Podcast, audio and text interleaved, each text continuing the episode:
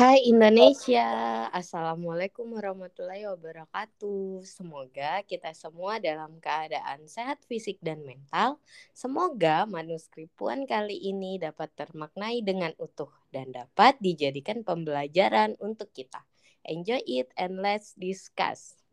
Hore! Kayaknya sekarang hore ya. Emang kemarin hore ya? Kayaknya iya. Ang sudah kehabisan kata-kata penyambut kayaknya. Oh, bisa diganti begini.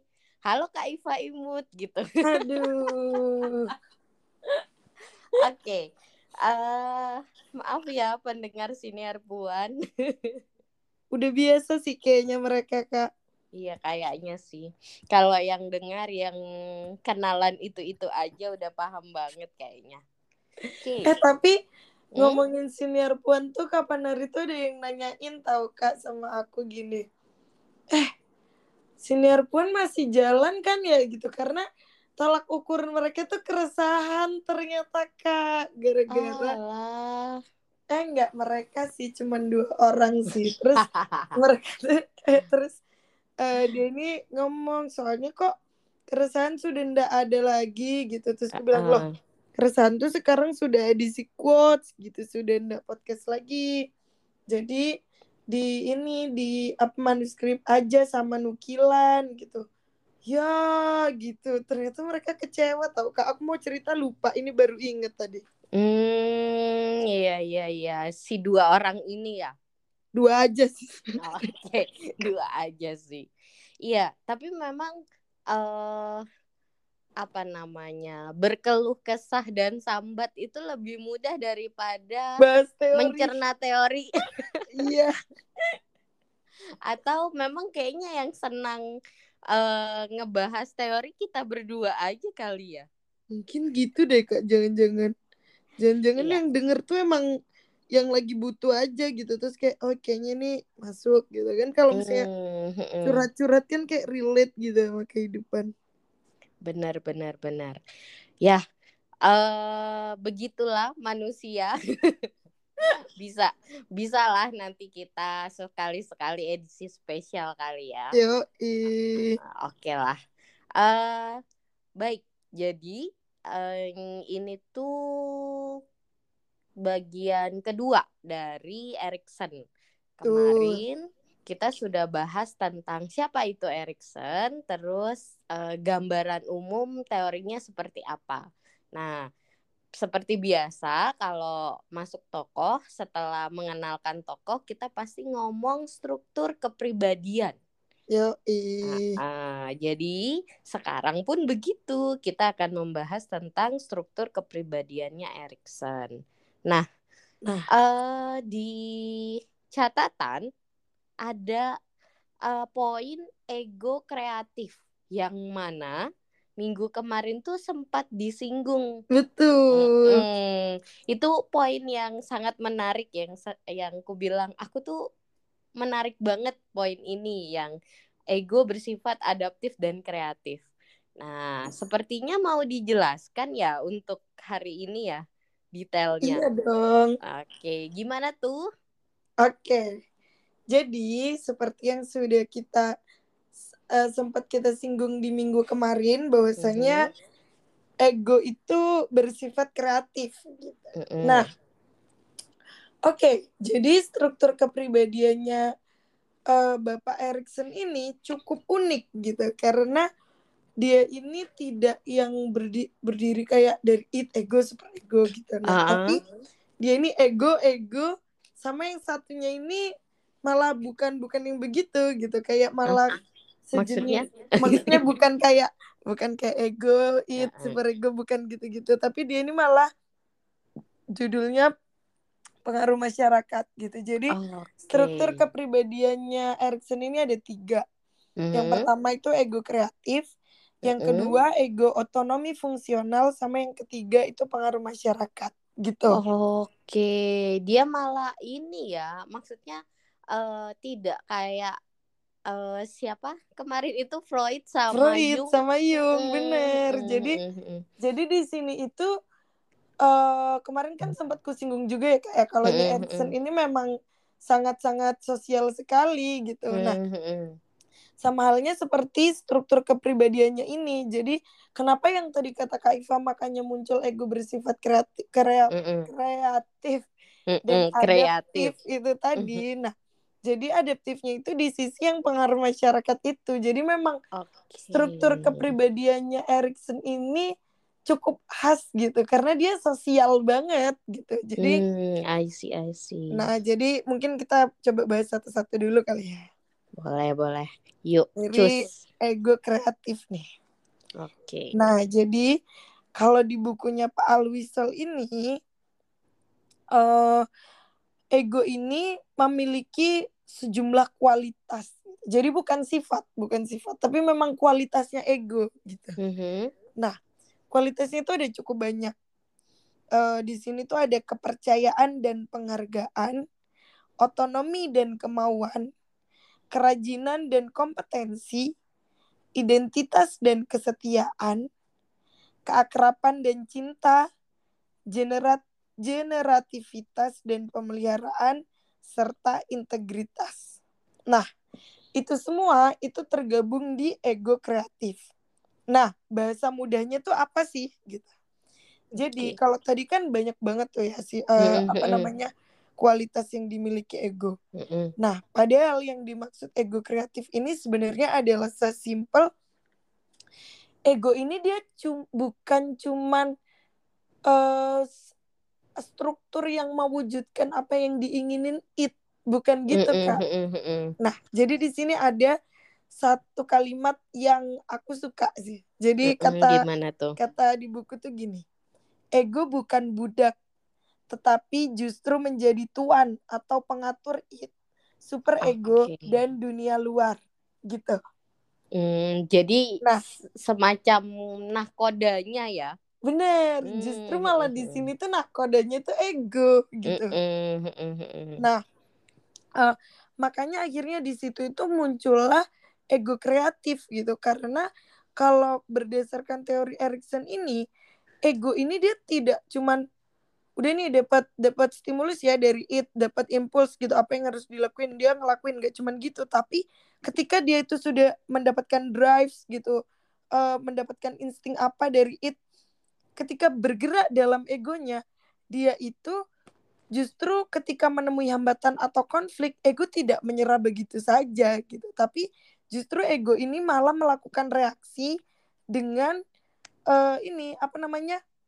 mengkombinasikan antara yang ada di dalam dirinya sama lingkungannya gitu sama jadi dia ngelihat kemampuan dirinya nih sama peluang di lingkungannya jadi dia nggak fokus sama dirinya aja gitu. Tapi kayak dilihat oke ketika aku itku pengen gini oke ego jalan. Tapi coba kita lihat lagi eh, kemampuan diriku gimana? Terus stimulus Hmm, dari mm-mm, lingkungan mm-mm. itu gimana? Berarti memungkinkan nggak kalau kewujudkannya begini? Oh kalau nggak memungkinkan berarti gini gitu. Jadi justru dari ego ini malah muncul pemecahan masalah terus persepsi. Nah yang kayak gitu-gitu. Jadi ego ini bukan bukan hal yang sesederhana itu gitu Oke, itu tuh Mas eh, se- sebelum jauh tadi tuh eh dari kalimat dan dari penjel- kalimat yang dibaca maksudnya Mm. sama yang penjelasan nuzul kan Mm-mm. eh, disinggung ada it sama super ego. Berarti Mm-mm. sebenarnya si Erikson ini memang eh apa mengadaptasi struktur kepribadiannya Freud. Benar benar benar Ah, Oke, oke. jadi sebenarnya tetap ini tetap tetap mengadaptasi dari it ego super ego itu cuman Ah, eh di sini sih super ego nggak terlalu dibahas ya. Yang masih ah, ah. sempat disinggung itu it sama ego aja gitu. Oke, jadi dia kayak fokus eh, dari teorinya Freud yang dia memang kayak nunjukin bahwa dia eh, apa namanya pengikut Freud gitu ya. Bener Dari bener. Nah, Eh, dia mengembangkan bagian si ego ini gitu ya. iya betul. Ah, Nah, ah, spek- spekulasiku tuh kak, kenapa dia nggak bahas super ego? Karena sebenarnya super ego ini tetap mirip sama yang dibilang pengaruh masyarakat tadi gitu kan. Kan Oh, I see, I see. Nah gitu, jadi kan karena sebenarnya superego kan yang bisa menahan kita dari norma aturan dan lain sebagainya kan nah sedangkan masyarakat kan juga punya tata aturan gitu ya benar benar benar nah begitu terus uh, gini uh, si siapa Pak Erikson ini juga ngomong kalaunya ego ini nggak cuman dari hal-hal yang bersifat genetik aja gitu jadi dia nggak cuma dari hal-hal yang bersifat genetik, fisiologis, anatomis, dia nggak yang biologis banget gitu. Tapi uh, hmm. ego ini dibentuk dari konteks kultural dan historik. Jadi hal-hal yang bersifat kebudayaan dan sejarah itu bisa membentuk ego seseorang dalam melakukan sesuatu gitu. Oke, berarti apa namanya? Uh, dia kayak memperhatikan pengaruh eksternal gitu ya. Banget, banget, banget. Nah, terus akhirnya Pak Erikson ini ngomong kalaunya ego yang sempurna gitu, ego yang ideal itu tuh mm -hmm. dia punya tiga dimensi gitu kak. Oke. Okay. Nah jadi dimensinya yang pertama itu ada faktualitas. Faktualitas. Betul. Oke okay, oke. Okay. Jadi kenapa dia dibilang faktualitas? Karena uh, ketika ego itu memiliki berisikan kumpulan-kumpulan fakta dan hasil interaksi dengan lingkungan. Jadi uh, dia ini sifatnya itu memang faktual bukan bukan ini bukan hal yang diada-adakan gitu. Dan okay. terbentuknya itu dari hasil interaksinya dia sama lingkungan-lingkungan akhirnya muncullah ketika dia berperilaku perilakunya memang ada gitu nah. Jadi apa ya bahasanya bukan ada gitu apa sih lawannya fakta tuh uh, mitos ya jadi dia bukan sekedar mitos gitu tapi hmm. memang hal itu tuh konkret adanya begitu oke okay, oke okay, oke okay. nah yang kedua itu universalitas atau uh, berkaitan dengan kesadaran akan kenyataan nah ini juga diadap diadaptasi dari uh, konsep realitanya Freud Freud kan ada bilang tuh kalau misalnya eh, nggak uh, apa-apa kita tuh punya it gimana gimana. Tapi dalam mewujudkan itu kita juga harus mempertimbangkan konsep realita gitu ya dilihat. Bisa nggak ini dilakuin gitu? Nah makanya hal yang nggak bisa kan di repress tuh yang kayak gitu-gitu. Nah sama nih dengan universalitas, universalitas. Okay. yang mana dia harus sadar akan kenyataan gitu. Ini bisa nggak sih dilakuin gitu? Berarti dia ini konsepnya nyata nggak cuma halusinasi aja gitu oke oke yang ketiga oke yang ketiga itu ada aktualitas atau oke. cara baru dalam berhubungan satu dengan yang lain dengan cara memperkuat hubungan untuk mencapai tujuan bersama nah jadi lagi-lagi mm -hmm. Erikson ini tidak Halo, Zul? Halo Nuzul? Kok nggak ada suaranya? Oke, sudah. Jadi tadi kepotong, sorry sorry. Tiba-tiba di atas selulerku mati kak. Ini udah jelas belum? Udah, udah jelas, udah jelas. Tadi uh, habis universalitas, yang ketiga aktualitas. Nah, terus penjelasannya itu yang hilang. Oh ya, sorry sorry. Mm-mm. Mungkin sinyalnya jelek kali ya. Iya. Oke. Okay. apa-apa kok. Okay. Harus ke Malang itu. Aduh. Nah jadi uh, kalau aktualitas ini diulang lagi ya. Uh, dia itu adalah cara baru dalam berhubungan satu dengan yang lain dengan cara memperkuat hubungan untuk mencapai tujuan bersama. Nah, okay. jadi lagi-lagi mm -hmm. uh, Erikson ini tidak ini tidak tidak fokusnya cuma di aku aja gitu. Kalanya yang kemarin-kemarin kan dia berfokus pada ya udah uh, gimana cara dia mewujudkan terus kayak di uh, struktur kepribadian dalam dirinya gitu. Nah, ini bahkan dari uh, ego yang ideal aja, yang sempurna aja itu mempertimbangkan hubungan untuk mencapai tujuan bersama gitu. Jadi bukan okay. cuman tujuan dia aja gitu dan itu baru bisa dikatakan ideal. Oke, jadi uh, tiga konsep ini itu kenapa kat, namanya uh, ego yang sempurna? Karena uh, dikatakan individu yang perfect itu ya kalau hmm. dengan apa tiganya ini baik semua gitu ya betul maksudnya. betul betul betul berarti problem uh, seseorang maksudnya patologisnya seseorang itu uh, ketika ego apa namanya tidak terwujudnya ego yang sempurna gitu nah itu kita bahas uh, next time gitu okay. karena karena itu ada juga tuh pembahasannya. Oh, ada tapi, bahasannya tersendiri. Uh, uh, uh, uh, Terlalu tapi, visioner ya pertanyaannya. Benar, benar, benar. Oke, okay, baiklah. Lanjut, lanjut. Oke. Okay. Nah, begitu. Terus, uh -huh. uh, tadi kan udah dijelasin nih, kalau sebenarnya teorinya uh, Erikson ini egonya itu emang bersifatnya kayak ya sadar banget gitu. Tapi hmm Ternyata enggak juga gitu. Tapi di sini Erikson tuh ngomong. Ternyata pingsan. Iya, ternyata dia setengah sadar halu ternyata. Waduh. enggak, jadi menurut Erikson ini ego juga sebagian tuh bersifat tak sadar. Jadi enggak enggak semua semuanya sadar. Mm-hmm. Nah, terus selain itu ego itu juga mengorganisir dan mensintesa atau menggabungkan pengalaman sekarang dengan pengalaman masa lalu. Nah, kalau Freud kan fokusnya masih masa lalu, terus Jung udah nggak masa lalu aja nih. Nah, mm-hmm. ini uh, dilanjutkan lagi nih sama Erikson gitu. Kalaunya yang diorganisir dan digabungkan itu pengalaman sekarang, pengalaman diri masa lalu, dan pengalaman masa yang akan datang.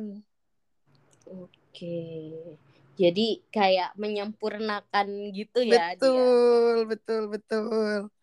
Nah, terus akhirnya dari situ tuh Kak Erikson itu jadi muncul nih tiga aspek yang saling berhubungan dalam ego.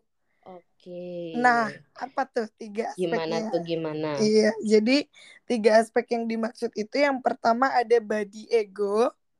Body? Body, body. Oh, body, body. tubuh, tubuh, tubuh. tubuh. Oke. Okay.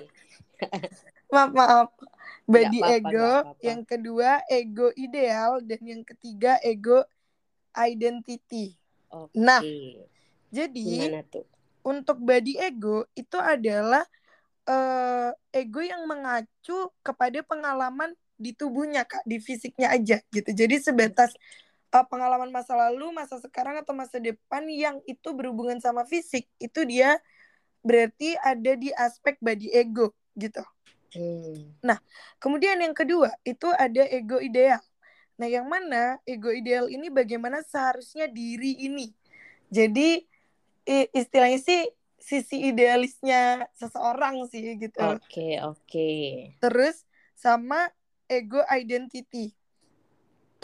Uh, ter. Gimana cegukan, gimana tuh? Cegukan. nah, nah, baru yang ego identity ini adalah gambaran mengenai diri dalam berbagai peran sosial. Nah, jadi kayak uh, identitas dirinya dia di lingkungan sosialnya tuh gimana gitu. Jadi emang gimana ya Erikson ini emang mempertimbangkan aspeknya tuh selalu tiga-tiganya gitu. Kalau fisik mah berhubungan sama diri ya, yang mana itu mm -hmm. emang biologis mm -hmm. banget gitu, yang selalu dibawa ke mana-mana. Terus ego ideal ini kan sama perilaku kita ya, perilaku dan pikiran juga gitu, yang mana dari konsep idealistik kita. Terus kemudian baru dari situ itu gambaran identitas diri kita loh di peran sosial tuh gimana gitu. Jadi kayak ideal banget gitu. Mm-hmm. makanya itu dibilang, tuh emang tahapan gitu nggak sih? Sebenarnya bukan tahapan sih kak oh, tapi bukan. emang Erikson ini bilangnya mereka saling berhubungan gitu. Oh I see. Antara uh, yang satu dengan yang lain itu mm-hmm. saling terhubung gitu ya iya betul. Nah terus uh, mm-hmm umumnya ini pada umumnya ya pada umumnya tiga tiga aspek itu berkembang cepatnya itu di masa dewasa gitu. Karena uh, gimana ya ketika di masa dewasa ini mereka ini sudah peka akan hal itu gitu. Jadi mereka sudah menyadari itu. Nah tapi sebenarnya mah enggak gitu. Jadi sebenarnya perubahan ketiga aspek itu sudah terjadi di semua tahapan kehidupan Cuman emang yang terlihat dengan konkret itu memang ketika dewasa gitu. Karena okay. karena kan sudah ini ya, sudah mengalami proses sosialisasi yang konkret gitu. Jadi mm-hmm. jadi dan sudah ada pemikiran-pemikiran idealistik di situ gitu sih. Oke, jadi sebenarnya uh, Erikson sendiri oh belum sih sebenarnya. Ini pertanyaan juga agak visioner. Aku aku aku nyimpulinnya oh ternyata uh, perkembangannya itu berfokus pada proses ini, tapi kan uh, Belum. punya perkembangan Nah, kepribadian sendiri Betul, makanya betul. akhirnya kuralat sendiri. Aduh ini visioner lagi. Iya, padahal ini perkembangan kepribadian belum. Maklum anak cerdas, Bu. Aduh, ampun, ampun, ampun. Sombong Nah. banget ya. Kan emang udah genetik, agak susah sih. Oh iya, baiklah, terima Nah. aja lah. Iya, udah biasa kok, tenang. Eh, tapi ini ini pertanyaan yang enggak visioner. Boleh. Ah, ah, ah, ah, asik. Eh, ini si siapa tiga aspek yang saling berhubungan ini, eh, apakah sebenarnya dia munculnya itu karena saling berhubungan? Sebenarnya Mm-mm. secara logika kan saling berhubungannya tiga hal ini kan memang ada di diri individu. Tapi ada nggak sih yang maksudnya eh, kita tuh cuma punya salah satunya aja gitu, tidak tidak melakukan misalkan eh, secara e- egonya itu berkembang secara fisik tapi tidak tidak ideal dan identitinya itu enggak ini tidak Ya, paham, apa paham, paham. Iya BTW, kita tuh memiliki pertanyaan yang sama. Untungnya aku udah nyari Ah. tahu. Jadi aku tahu oke jawabannya. Jadi pas aku baca tuh aku juga mikir gitu kan, Kak. Kayak eh, misalnya kayak misalnya teorinya Maslow gitu kan itu Mhm. hierarki ya. Nah, terus aku Mm-mm, mikir ini kan juga saling berhubungan ya konsepnya. mm-mm, Nah, gitu. Jadi kita memikirkan hal yang sama ternyata. Oke. Ah, ah, ah. Jadi aku jawab. gimana eh, gimana Eh, jadi itu ada eh, salah satu skripsi atau prosedur penelitian aku- lah ya ya pokoknya penelitian lah bukan bukan Wikipedia kok Mm-mm, mm-mm. jadi eh, di di situ itu dijelaskan bahwasanya sebenarnya kak mereka itu Mhm. tetap punya tapi emang ada taraf-tarafnya gitu karena Oke. sebenarnya setiap orang itu tetap punya ketiganya itu cuman Mm, mm-mm. eh kayak ada yang ada yang dominan ada yang enggak nah akhirnya ah, kadang ah, tuh ah. kita berspekulasi jangan-jangan dia ini nggak punya sisi ideal dari dirinya kayak iya gitu iya iya nah iya. jadi sebenarnya mungkin punya tapi ternyata yang lebih dominan itu ke body ego gitu jadi cuman yang Mhm. mengacu pada fisiknya aja gitu Mm-mm. eh aku jadi terpikir satu case apa tuh Eh, cuman nanti coba dikoreksi ya. Ini tepat nggak sih kalau menggambarkan eh e- tiga ego yang berhubungan ini? boleh boleh Ah, ah, jadi tuh eh, kayak apa kondisi sekarang sih maksudnya Mm-mm. eh sejauh saya mengajar di kelas gitu. Mm-mm. eh kan sering seringnya itu ketika jelasin ngasih tugas gitu ngasih tugas itu tuh pertanyaannya bukan ke eh, substansi isinya itu seperti apa? Jadi bukan ke kesempurnaan tugas itu sendiri tapi Mm-mm. pertanyaannya itu lebih ke hal-hal konteks eh hal-hal eh, sistematika. Jadi misalkan eh ini formatnya gimana gitu? Eh, boleh nggak gitu? Misalkan eh, jurnal yang dipakai referensi itu dari Indonesia nggak dari Barat gitu. Jadi hal-hal yang eh apa ya? Eh kalau di Aku sini paham. aku ngartikannya ya badinya gitu Iya, tapi iya, bukan bukan substansinya bukan isinya harus seperti apa gitu. Eh, Mm-mm, Nah, mm-mm. ya apa? akhirnya eh keutuhan apa namanya keutuhan tugas gitu. Eh, karena konteksnya penugasan ya. Itu na- itu arahnya sebenarnya lebih ke kerangka berpikirnya eh, si mahasiswa. Jadi bukan ke bukan sekedar dalam konteks pengerjaannya aja. Karena yang diperhatikan adalah hal-hal performa gitu. Jadi kul eh, bukan kulit covernya bagus gitu. Eh, sayangnya eh, Dalamnya- isinya Iya, nggak iya. ada gitu. Eh, eh, eh. Nah, eh, aku tadi juga langsung notice sih kak, maksudnya kayak Mm.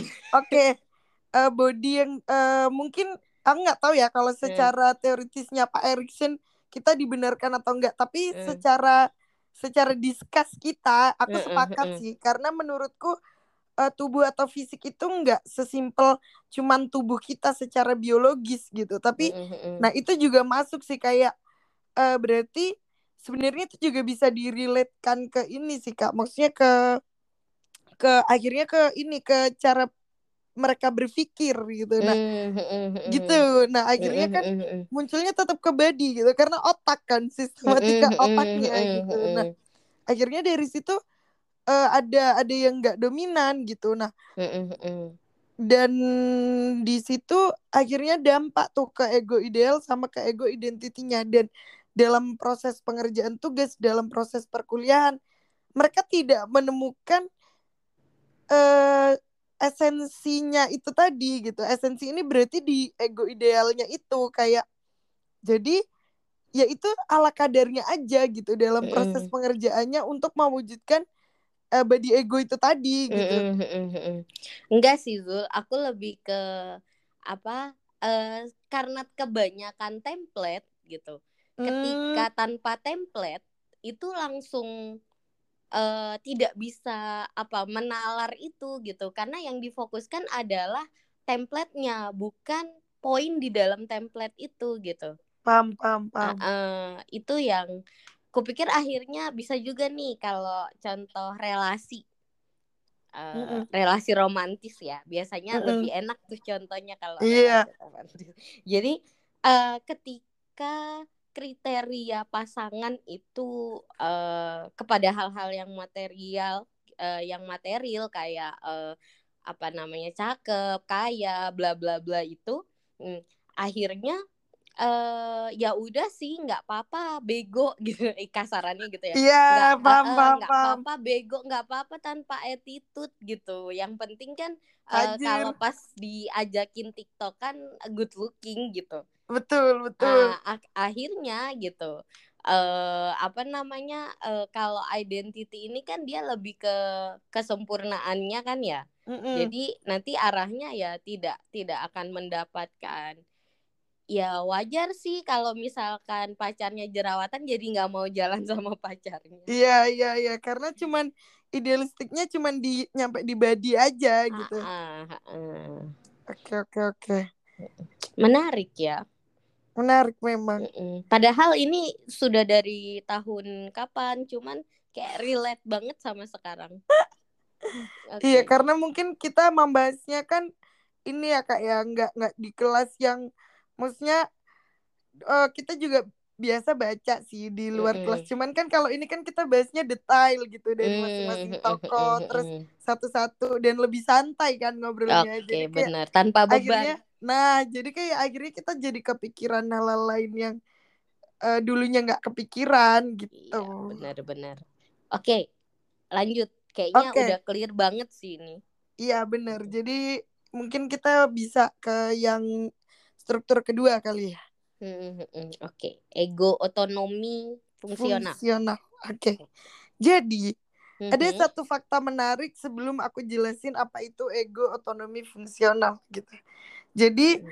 uh, kan awalnya aku tuh kan nggak suka ya kak kadang kalau nggak konkret gitu. Nah jadi aku tuh cari nih di KBBI otonomi gitu. Nah uh, secara pengertian otonominya doang. Ternyata di KBBI mm-hmm. itu ada loh otonomi fungsional. Oh, sih menarik ya. Iya. Terus tahu nggak? Jadi yang dimasukkan di otonom di KBBI otonomi fungsional ini memang teori psikologi karena di depannya ditulis psi dalam kurung. Iya. iya. Hmm. Terus jadi uh, di situ tuh Cuman sebenarnya di sini agak beda ya karena ternyata yang diambil dari KBBI ini punyanya Alport bukan punya oh. Oke okay, oke. Okay. Ini cuman anu aja sih tadi intermezzo aja gitu. Uh, karena uh, menurutku uh, itu menarik jadi aku kasih tahu ke pendengar gitu. Uh, uh, benar-benar. jadi sebenarnya KBBI itu uh, poinnya adalah beberapa istilah psikologi yang memang sudah diadaptasi dalam konteks Indonesia udah ada gitu. Nah, benar. Jadi kayak eh, jangan males deh buka KBBI bakalan dapat banyak pengetahuan kok. Gitu loh mm itu poinnya tadi sebenarnya. Mm -mm. sebenarnya uh, selain itu lebih ke gini sih Zul. Uh, kalau kalau aku ngomongnya gini saya aja yang udah sampai uh, dosen gitu yang ngajarin hmm. kalian in case punya istilah-istilah asing yang apa sih artinya gitu. Jadi masih harus buka KBBI nah, dan itu nggak perlu malu gitu. Karena bener, memang bener. Uh, walaupun kita dari kecil belajar bahasa Indonesia belum tentu kita tahu uh, semua. bahasa Indonesianya lebih betul. banyak dari bahasa Inggris. Eh, sombong. betul, betul, betul, nggak betul, gitu betul. maksudnya.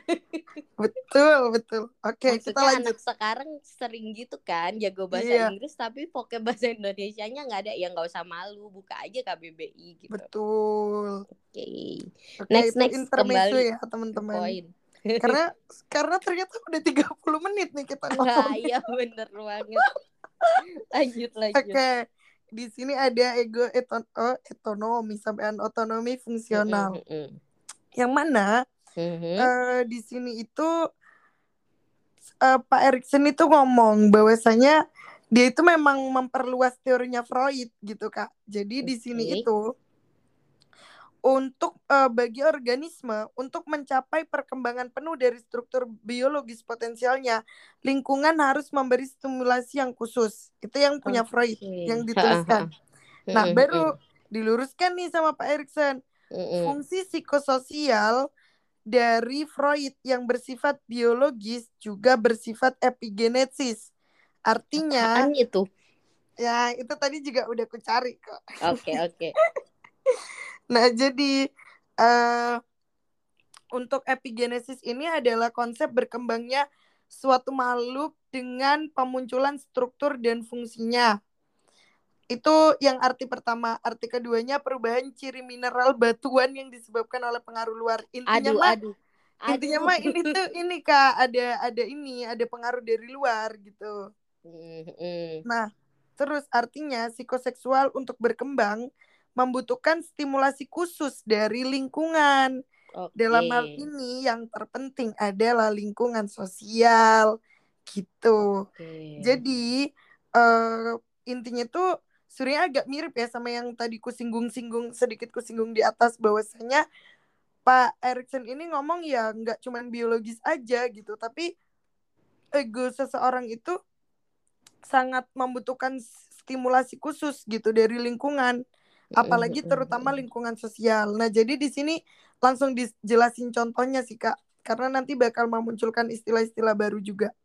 Nah, jadi di sini uh, contohnya Erikson ini mengadaptasi dari contohnya Freud juga. Uh, mungkin biar orang-orang jadi tahu secara konkret gitu loh sisi perbedaannya di mana.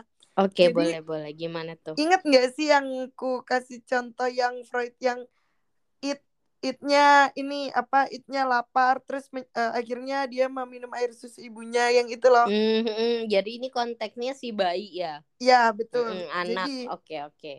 nah jadi di sini Erikson itu pakai contohnya ibu anak merupakan uh, ibu hubungan ibu dan anak menjadi mm-hmm. bagian penting dari perkembangan kepribadian okay. nah ini contohnya ku jelasin pakai bahasa sini dulu ya mm-hmm, jadi boleh uh, di sini itu kan kalau misalnya itnya itu lapar ibunya uh, bayinya akan menangis terus mm. kemudian akan diberikan air susu menurutnya mm. menurut bayi itu situasi mm. memberi makan itu tadi merupakan model interaksi sosial antara bayi dengan dunia luar Nah, oke, okay, karena dia, dia itu stimulus eksternal betul, gitu ya. Betul, betul. Jadi dia nggak cuman bersifat instingtif yang cuman pemuasan diri aja okay. gitu. Uh, Tapi uh. dia akan menganggap itu adalah mod, uh, model interaksi sosial pertama di dirinya okay. gitu. Uh, uh, uh. antara si bayi dengan dunia luar. Nah, uh, uh, uh, yang mana jelas lah ya lapar itu merupakan hal yang bersifat biologis. Uh, uh, Tapi pemuasannya, pemuasan itnya itu tadi dengan disusuinya itu tadi akan menimbulkan kesan untuk bayi itu tentang dunia luar. Oke. Oke, nah, akhirnya dari sini kak, kalau misalnya dia akan dia mendapatkan respon bagus, itnya terpenuhi, dia disusuin, dia akan membentuk kepercayaan dasar atau basic trust yang ku bilang kita akan memunculkan istilah baru itu tadi.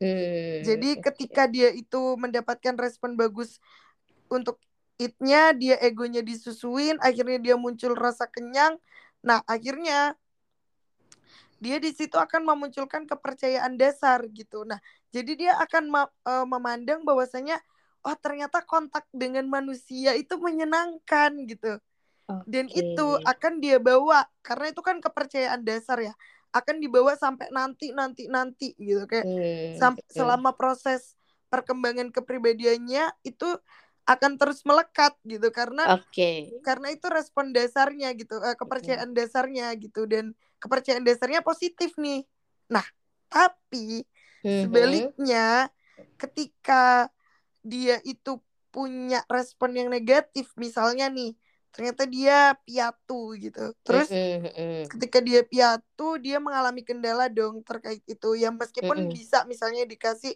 susu Ibu formula susu gitu uh -uh. Mm-hmm. tapi kan misalnya misalnya kita ngasih susu formula nih otomatis kita nggak bisa langsung nih set kan mm-hmm. harus buat dan lain sebagainya akhirnya dari situ muncullah tuh dia uh, ketika itu dianggap sama dirinya pengalaman buruk gitu atau hal yang uh, tidak apa ya tidak memunculkan kepercayaan akhirnya mm -hmm. muncullah muncullah seseorang yang akan berkembang tanpa basic trust tadi.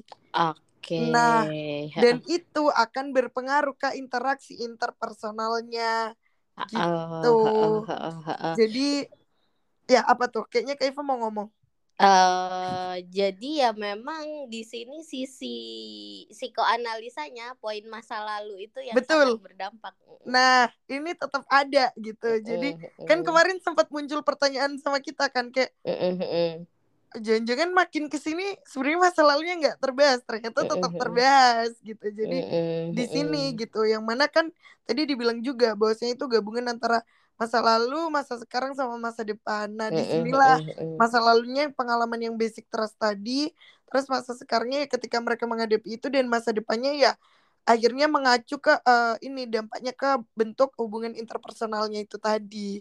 I see, gitu. I see, I see. Akhirnya uh, me merubah, bukan merubah sih, uh, mem mempengaruhi, berdampak pada uh, penilaian dia akan keinginan-keinginan di masa yang akan datang. Betul, betul. Hmm, Makanya kalau terlatih patah hati tuh akhirnya nggak percaya sama cowok ya. Terus kayak trust issue gitu. Nah, iya itulah, bener banget. Itulah kak sebenarnya itulah sebenarnya mereka ini keren loh. Mereka itu mengadaptasi istilahnya Erikson loh. Aku uh, langsung kepikiran uh, itu karena kan kalau ini kan bahasanya basic trust. Nah kalau orang-orang kan kayak bilangnya akhirnya punya trust issue gitu. Nah, kalau Erikson kan lawannya berarti dia tidak punya basic trust atau bahasa mm, lainnya dia punya trust issue. Oke, okay. baik baik baik. I see, I see. Jadi atau bisa jadi gini orang-orang yang punya trust issue itu ternyata uh, mereka yang uh, memang problem di da, di di masa di waktu, lalu. Iya, di masa kecilnya itu. Iya bisa bisa itu juga bisa gitu. Karena kan macem-macem juga ya. Nggak mesti di masa kecilnya juga kan. Kayak misalnya ya kayak yang tadi kata kita orang yang terlatih patah hati gitu. Nah bisa ah, jadi bener. di pengalaman karena kan kalau Erikson di tiga masa gitu jadi bisa jadi itu di masa sekarang yang bikin punya terus isu gitu.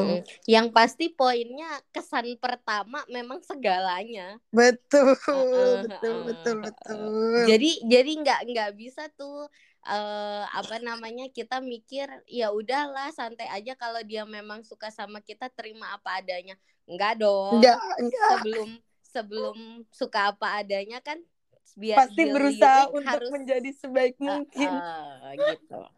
Jadi jangan malas dandan lo. Loh kok ngomong sama Kaifa sendiri? Anu ngingatin diri sendiri kayaknya. Nah okay. terus kak sebenarnya di sini tuh ada contoh ini sih, contoh gambar gitu. Cuman bisa kok dijelaskan dengan kata-kata. Okay, Jadi uh, di sini itu ada perbedaan uh, psikoanalisis klasik sama psikoanalisis ego. Dibilangnya mm -hmm. sih psikoanalisis ego ya, karena mungkin dia kan pusat semestanya ada di ego gitu. Jadi mm -hmm. makanya dibilangnya psikoanalisis ego gitu. Nah, mm -hmm. kalau psikoanalisis klasik itu dia setelah it ini contohnya tetap yang makan tadi ya. Mm-hmm. Jadi uh, minum susu maksudnya yang it oh iya itu itnya lapar gitu lapar haus terus muncul ke atasnya itu memunculkan egonya menangis mengisap minum Mm-mm. terus realitanya itu adalah meminum botol susu gitu Mm-mm. terus Hah, minum botol susu? eh maksudnya minum susu Oke. nah terus nah sedangkan kalau di psikoanalisa ego itu enggak jadi dia enggak sesimpel itu jadi dari tiga itu ego itu banyak banyak apa sih namanya? Tanda tanda tanda panah tanda panah. Sampai lupa namanya. Tanda. jadi dari egonya ini dia itu memunculkan banyak tanda panah. Yang mana yang pertama ego itu bisa memunculkan pemecahan masalah. Terus Oke. yang kedua dia memunculkan persepsi. Yang ketiga memunculkan identitas ego. Nah yang keempat itu memunculkan basic trust yang tadi kita bahas itu Oke. Jadi- emang sekompleks itu ego di psikoanalisa ego ini emang ya dia ini pusat dari semua semesta gitu. Jadi nggak sesimpel udah nangis mengisap udah enggak tapi ketika dia haus berarti pemecahan masalahnya gimana nih? Ya mm-mm, meskipun bayi belum nyampe di situ ya makanya tadi kan dibilangnya kelihatannya pas dewasa gitu. Nah, terus akhirnya muncullah persepsi oke berarti ketika aku begini aku harusnya gimana ya? Persepsiku gimana? Gitu. Terus habis itu akhirnya membentuklah identitas egonya ini sebagai ego yang seperti apa dalam dalam mewujudkan it itnya itu tadi gitu nah Oke. Terus, muncullah di situ juga basic trust itu tadi ketika memang eh, masa masa apanya masa perkembangannya atau bukan perkembangan sih kita belum bahas perkembangan masa stimulusnya itu bisa direspon mm, mm. dengan positif gitu Oke. Jadi memang eh, poinnya kan kalau klasik itu ego klasik itu mengacu ke Freud kan ya. Mm-mm. Ah, ah. jadi kalau eh, yang aku pahami itu poinnya sebenarnya eh, antara klasik sama apa tadi ego kreatif. ya ego kreatif Iya, ego eh, ego- psikoanalisa ego ah ya psikoanalisa ego ini eh, itu tuh lebih ke tidak hanya eh apa sekedar stimulus respon aja loh. Jadi tidak hanya eh, res satu respon aja gitu. Tapi akan memunculkan banyak reaksi gitu banyak Nah. bekas gitu ya. Betul betul betul betul betul. Sangat Oke. sepakat karena Begitu. nila setitik rusak susu sebelah nggak? Eh nyambung nggak sih? Nyambung nyambung nyambung. Oke oke.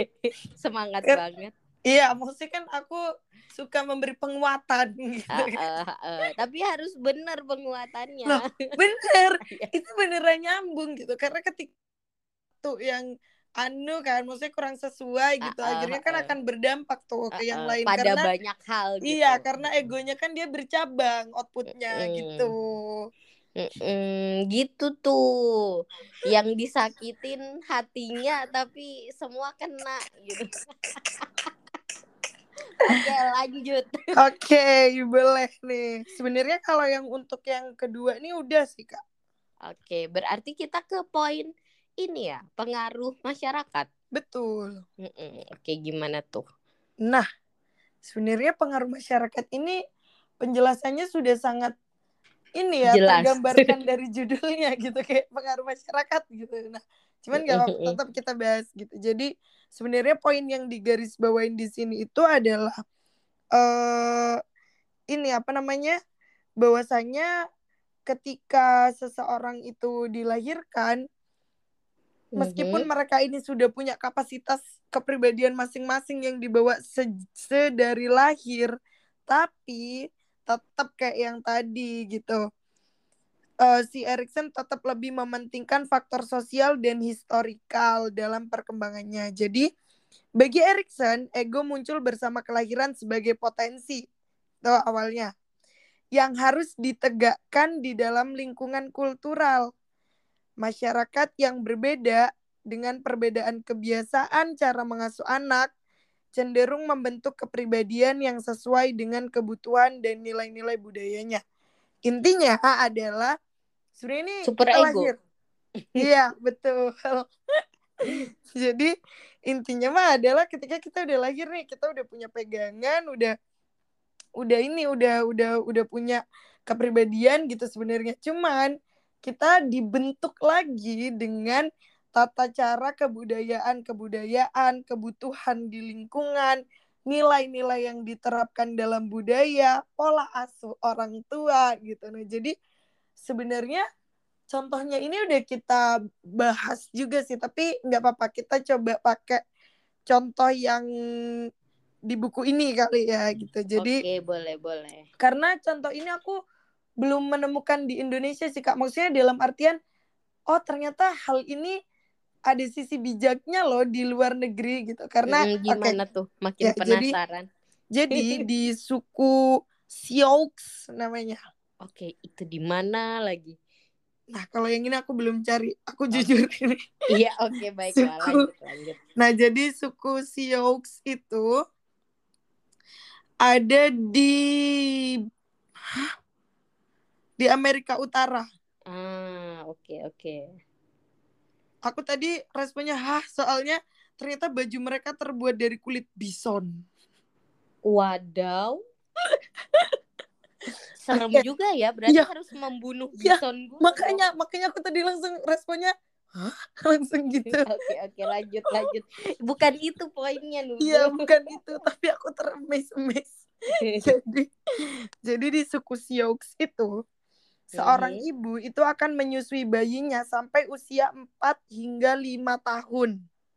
Oke. Okay. Nah, terus Uh-huh. Ternyata kan kalau di Indonesia itu dianggap hal yang kayak nggak banget gitu kan ya kak ya. Iya anaknya udah gede banget. Nah terus itu apa masih ada air susunya? Nah makanya aku juga mikir kayak ini mah di Indonesia udah nggak banget gitu. Ternyata ini itu dijadikan salah satu contoh yang ternyata memiliki uh, nilai positif gitu. Jadi suku Sioux menilai tinggi keder menjunjung tinggi keder nilai kedermawanan dan Menurut Erikson, layanan pemberian air susu ibu yang tak terbatas itu menjadi sifat dasar kedermawanan bagi anak mereka.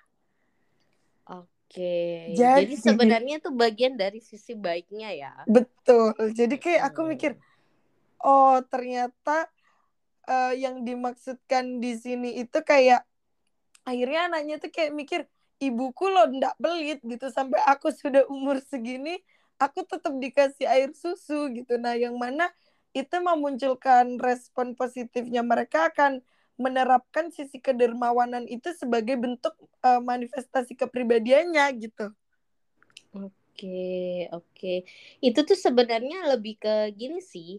Uh, ketika kita mengajarkan dengan perilaku, maka ya uh, akan lebih membekas gitu. Betul, oh, saya betul, harus betul. begini nih karena mm -hmm. karena uh, itu yang mungkin orang bilang like father like son padahal yeah. sebenarnya ya karena kita Modeling. mm -mm. itu biasa mm -mm. ngeliat itu akhirnya kita begitu gitu betul aku bisa kok ngasih contoh bu uh, budaya yang uh, positif di Indonesia Oh iya sangat boleh, sangat boleh. Iya. Uh. Memang sangat inisiatif kok oh, saya. Iya enggak, maksudnya kan uh, apa namanya biar mungkin relate kali ya. Iya iya iya. Uh, uh, uh. Sebenarnya itu seperti kayak apa namanya apa ya? Uh, ini nggak semua budaya sih, cuma hmm. maksudnya di di budaya tertentu seperti kalau kalau saya tuh dari kecil kan karena memang dididiknya di keluarga Bugis ya. -hmm. Jadi kita itu punya kebiasaan kalau memang mau nambah, nambah makan maksudnya, mm -hmm. nambah nasi itu makanannya belum habis. Maksudnya di piring itu belum bersih. Oh, gitu. Nah, kalau sudah bersih artinya udah selesai gitu. Oh, uh, uh, jadi kalau memang mau nambah ya jangan dihabisin dulu gitu. Terus uh, ngambil lagi. Jadi di uh, di diisi itu uh, apa namanya? Nilai-nilainya apa ya?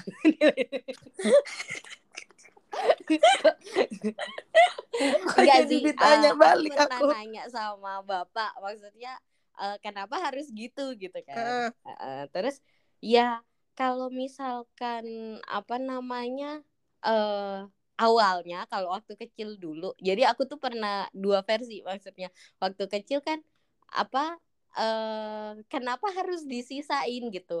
Katanya Mm, sih aku cerewet waktu kecil apa kepoan gitu. Iya. cuman kan setelah besar aku tahu memang anak kecil kepoan gitu. Mm, jadi eh, diginiin eh, kalau pas kecil tuh dijawab gini aku mau bilang apa tadi ya sampai Nah. lupa.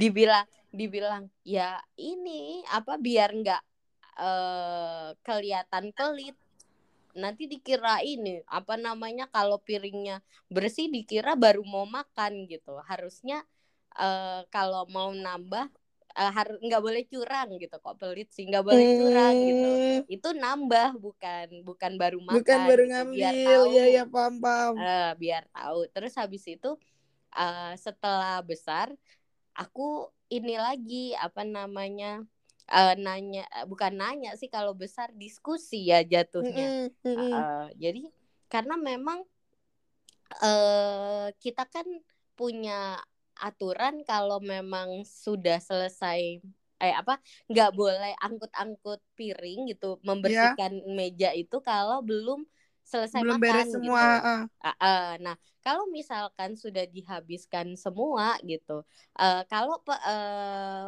relate-nya itu kalau pekerjaan itu sudah selesai, ya baru boleh ditutup gitu. Kalau misalkan masih belum selesai itu ya eh, diselesaikan dulu gitu. Mm, mm, mm, mm, mm, Kalau misal jadi jadi pekerjaan eh, pekerjaan itu kalau belum belum kelar jangan jangan diakhiri, jangan diputus, jangan di ghosting gitu-gitulah Mm, intinya mm, gitu. mm, benar benar Oh, benar benar. eh, maksudnya tuh kayak gitu gitu. Terus oh iya juga sih masuk. Cuman tuh eh, kadang aku mikir banyak mitos atau eh, folklore gitu ya istilah Mm-mm. kerennya eh, legenda-legenda di Indonesia itu hal-hal yang tidak terje maksudnya gini kadang itu orang tua tidak menjelaskan makna bijaksananya gitu Iya, iya. cuma di cuma dikasih tahu aja gitu jodohmu jauh loh kalau kamu ini eh, duduk depan pintu Mm-mm. gitu Eh,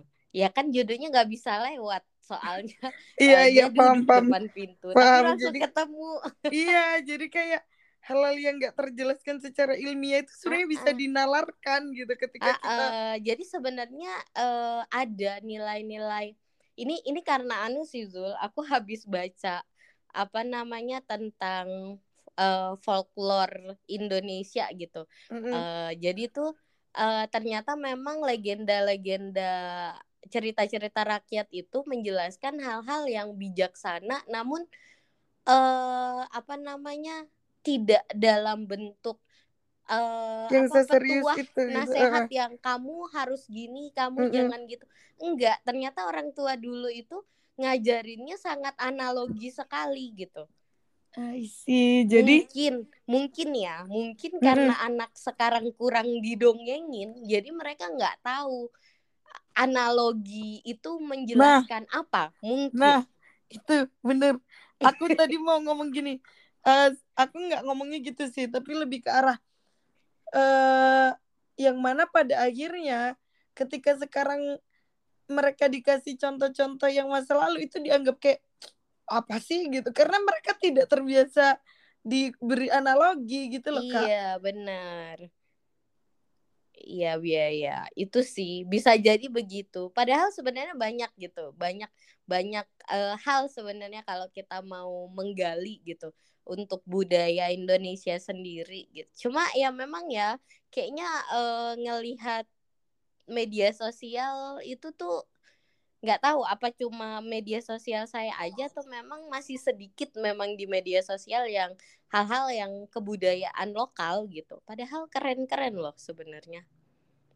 Hmm, kayaknya emang di sosial media sih nggak punya kaif aja Oh gitu ya. Iya. Kali ya. Ya enggak apa-apa lah. Begitu. Kok jadi ngomongin budaya sih? Tapi sebenarnya aku agak sedih sih. Maksudnya itu kan buku yang buat itu Kak, eh, Pak Alwisol. Kak. Maksudnya sorry sorry tadi ada telepon. Jadi tadi agak kepotong yang dari oke nggak apa-apa lah gitu. Terus Uh, uh, uh. Uh, aku tuh lebih ke agak sedih sih sebenarnya. Itu kan ya walaupun uh, tak pikir bukunya kan memang mengutip referensi-referensi dari luar ya penelitian-penelitian. mm-mm. eh harapanku ini jadi harapanku mungkin ada uh, the next Pak Alwisol yang nulis psikologi kepribadian dengan contoh-contoh yang lebih Indonesia, gitu. Indonesia bener Uh, bener uh, uh. bener. Jadi memang apa namanya karena beliaunya sudah meninggal kan aku nggak bisa bilang uh, request ke Pak Alwisol. gitu.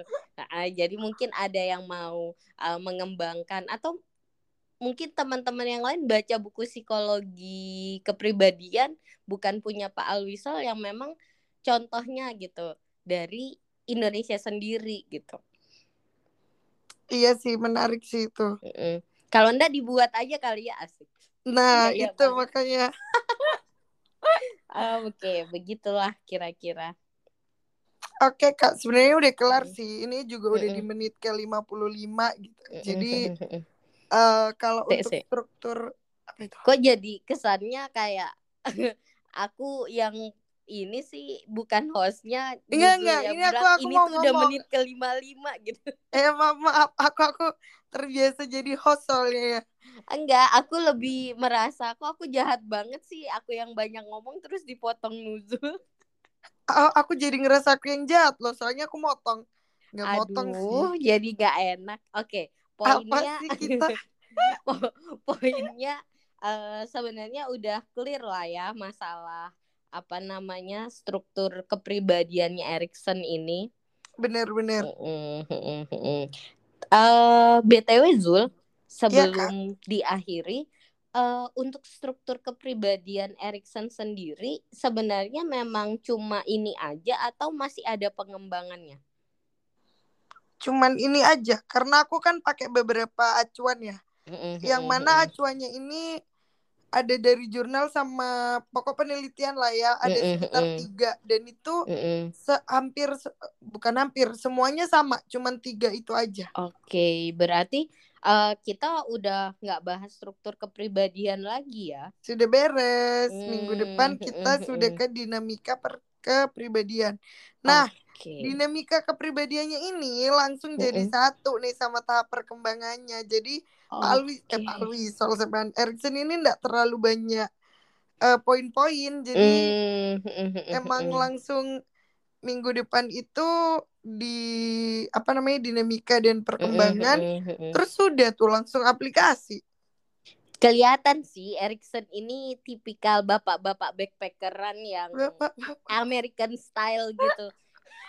Maksudnya karena dia banyak ini kan menjelajah di Amerika sebenarnya kan berkeliling Eropa dan Amerika sih. Ya orang backpackeran kan simple ya. Iya, Ya, kayak RWT. males bertele-tele gitu. Heeh, bener bener bener. Asik sih, duh jadi eh, terpesona. Iya, aku juga. Mm. Soalnya kayak aku mikirnya sempurna sih ini teori kalau aku pikir-pikir gitu. Lebih ke ini sih Zul, apa dia mulai memasukkan behavioristik di psikoanalisa gitu. Betul. Uh, makanya jadi tampak realistis kalau kalau psikoanalisa itu kan memang eh masih sangat ya itu ya karena background masa lalu itu. Mm-mm. Mm, Oke deh, sip. Saya kira eh, kita harus mengakhiri kok terus-terusan ngomong sih. Oke, eh, poinnya itu tadi seperti minggu lalu eh apa namanya ego itu sifatnya adaptif dan kreatif maka di sini eh, dijelaskan bagaimana sih bentuk kreativitas ego yang ternyata memunculkan banyak hal tadi dan juga ada pengaruh masyarakatnya gitu. Jadi nggak semata untuk diri pribadi gitu. Eh begitulah eh, poin-poin lainnya plus istilah-istilah lainnya silahkan di eh, simak sendiri. Terima kasih Nuzul. Eh, semoga Makasih juga Kak Iva. Mm-mm, semoga ini tidak membosankan dan tidak apa sih orang dua ini.